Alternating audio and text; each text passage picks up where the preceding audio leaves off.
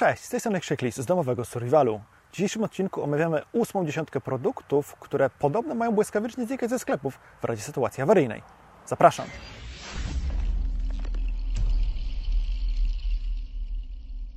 Na miejscu 71 są mokre chusteczki dla niemowląt, olejki, bezwodne i antybakteryjne mydło. Chyba chodzi o oliwki. W każdym razie produkty dla niemowląt, nie? takie pozwalające zadbać o higienę tego dziecka.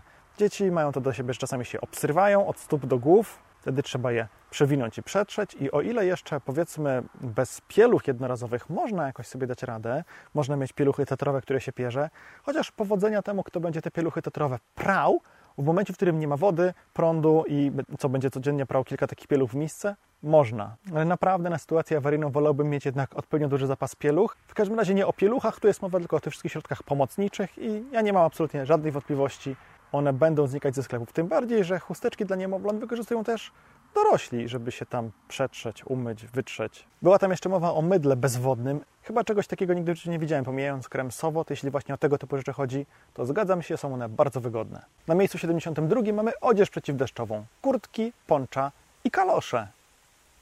Każdy z nas ma pewnie jakąś odzież przeciwdeszczową, nie? Kurtkę albo parasol, ale jednak takie foliowe poncze jest dużo wygodniejsze do użycia, zwłaszcza wtedy, kiedy bardzo mocno pada, a my musimy akurat wtedy wyjść na zewnątrz. I w momencie, gdy będziemy starać się za wszelką cenę nie przeziębić, gdy w domu będzie zimno, nie będziemy mogli się wysuszyć i ogrzać, potem jak zmokniemy i zmarzniemy na świeżym powietrzu, tego typu sprzęt, tego typu odzież przyda się na pewno bardziej niż dziś. A kalosze, no jak będziemy musieli pójść nad rzekę, czy wręcz wejść do rzeki, żeby zaczerpnąć z niej wody, dopić odpowiednią ilość, kalosze będą z pewnością praktyczniejsze niż jakiekolwiek inne obuwie. Na miejscu 73 mamy produkty do golenia, czyli maszynki, kremy, tego typu rzeczy. Będąc osobą, która się regularnie goli, jak widzicie, nie wiem, czy bym się po to rzucił do sklepów, głównie dlatego, że mam zapas tego typu produktów, a twarz gole maszynką elektryczną, bo u mnie działa to dużo szybciej, wygodniej, przynajmniej się nie zacinam. Nie ma za wiele praktycznych aspektów, praktycznych korzyści wynikających z tego, że człowiek jest ogolony, zwłaszcza na głowie. To tylko niekiedy lepiej wygląda i, i pozwala zachować poczucie normalności, Oprócz tego, że maski przeciwpyłowe, przeciwgazowe lepiej przylegają do twarzy, kiedy człowiek nie ma brody. Wąsy są ok, ale jak masz brodę, to tutaj nie ma w tej dolnej części twarzy dobrej szczelności, więc mogę sobie wyobrazić, że pod tym kątem ludzie będą chcieli się golić. Ale czy ktokolwiek będzie myślał o goleniu właśnie pod tym kątem? Wątpię. Jakieś robactwo koło mnie lata, zaraz będzie padało. Eee. Na miejscu 74 mamy ręczne pompy i syfony do przepompowywania wody lub paliwa.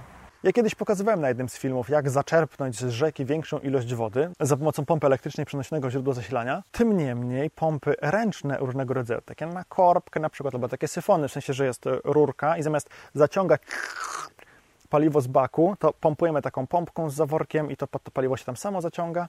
Te rozwiązania z całą pewnością są wygodniejsze, a ponieważ nie wymagają prądu, to będą działać praktycznie w każdych warunkach, kiedy tylko będziemy mieli siłę, żeby tam tą korbą na przykład kręcić. Dziś o takich rzeczach nie myślimy, bo nie myślimy o wypompowywaniu czy przepompowywaniu paliwa z baku innego samochodu do naszego, a jeśli potrzebujemy wydostać deszczówkę z beczki, w której ją zbieraliśmy, to po prostu wrzucamy do środka pompę elektryczną albo wiadro.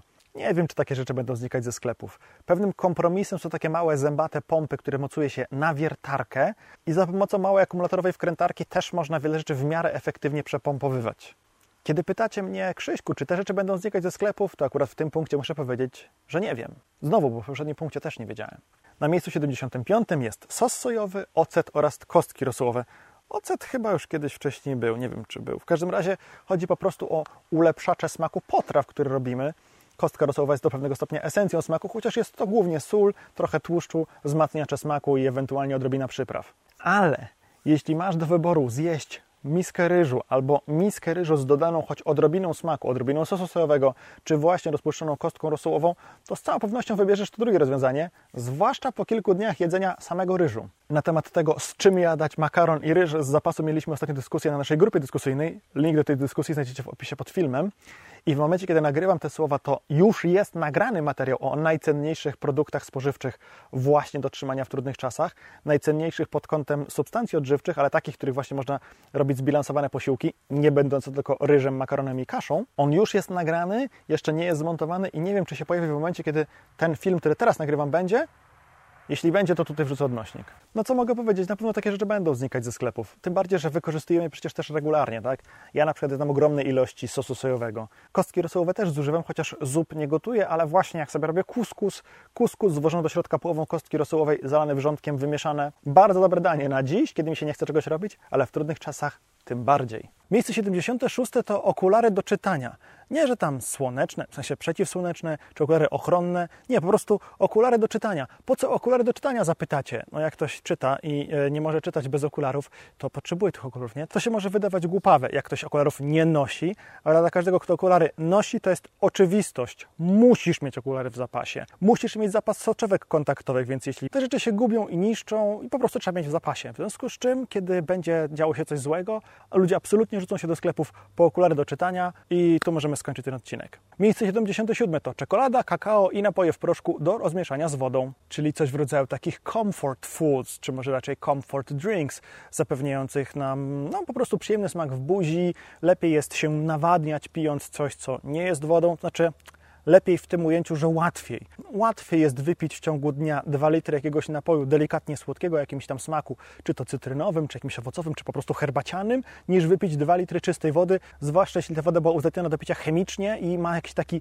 delikatny, niezbyt fajny posmak. Wtedy po prostu dosypujemy do niej czegoś takiego, rozmieszamy i mamy napój do picia. A czekolada sama w sobie w sytuacjach awaryjnych nie dość, że jest smaczna, to dostarcza ogromną ilość kalorii i nawet jakieś tam cenne substancje odżywcze. I dlatego pewnie ludzie będą ją kupować. Miejsce 70 58 to zestawy do zbierania i magazynowania deszczówki, czyli raczej te wszystkie elementy przyłączeniowe, w sensie rynna, elementy przyłączeniowe do rynny, czy też do rury spustowej, jakieś tam rurki, zaworki, inne tego typu rzeczy, bo pojemniki na wodę typu beczki i pojemniki na śmieci były już wcześniej. Bez wody nie ma życia, nie? Tak się mówi, więc jeśli nie będzie prądu albo wody w kranach, ludzie będą szybko, szybko będą potrzebowali tę wodę w jakiś inny sposób pozyskiwać, na przykład właśnie z deszczówki. Więc jest całkiem niewykluczone, że sprzęt wykorzystywany do tego celu gdzieś tam ze sklepów błyskawicznie poznika. Co do tego jestem skłonny się zgodzić. Na miejscu 79 jest odzież wełniana, szaliki, nauszniki i rękawice, ale czapek nie ma. Dlaczego akurat odzież wełniana jest czwartą chyba osobną kategorią odzieży, która pojawia się na tej liście? Dlaczego pojawia się dopiero tak późno? Nie wiem. Może po prostu chodziło o to, że akurat odzież wełniana ma jakieś takie cechy, których nie ma odzież innego rodzaju i że dlatego ktoś uznał, że trzeba ją wymienić jako osobny punkt. Chodzi oczywiście o takie parametry termoizolacyjne. Ja personalnie wełnianych ciuchów nie znoszę, dlatego że gryzą. Od kiedy jestem dzieckiem nie lubię, bo gryzą, nie lubię jak ktoś mnie gryzie, tak samo jak nie lubię, gryzą komary, dlatego, yy, dlatego chyba nawet nie mam w tej chwili nic wełnianego. Ósmą dziesiątkę zamyka podręcznik US Army Survival Manual FM, FM 2176. Dlaczego akurat ten? Wydaje mi się, że on po prostu wyznacza taki standard przydatnej książki o survivalu, opisującej te wszystkie tradycyjne umiejętności survivalowe, które powinien przeciętny Amerykanin w sytuacji awaryjnej mieć, typu jak zrobić schronienie, jak pozyskać wodę i tak dalej, i tak.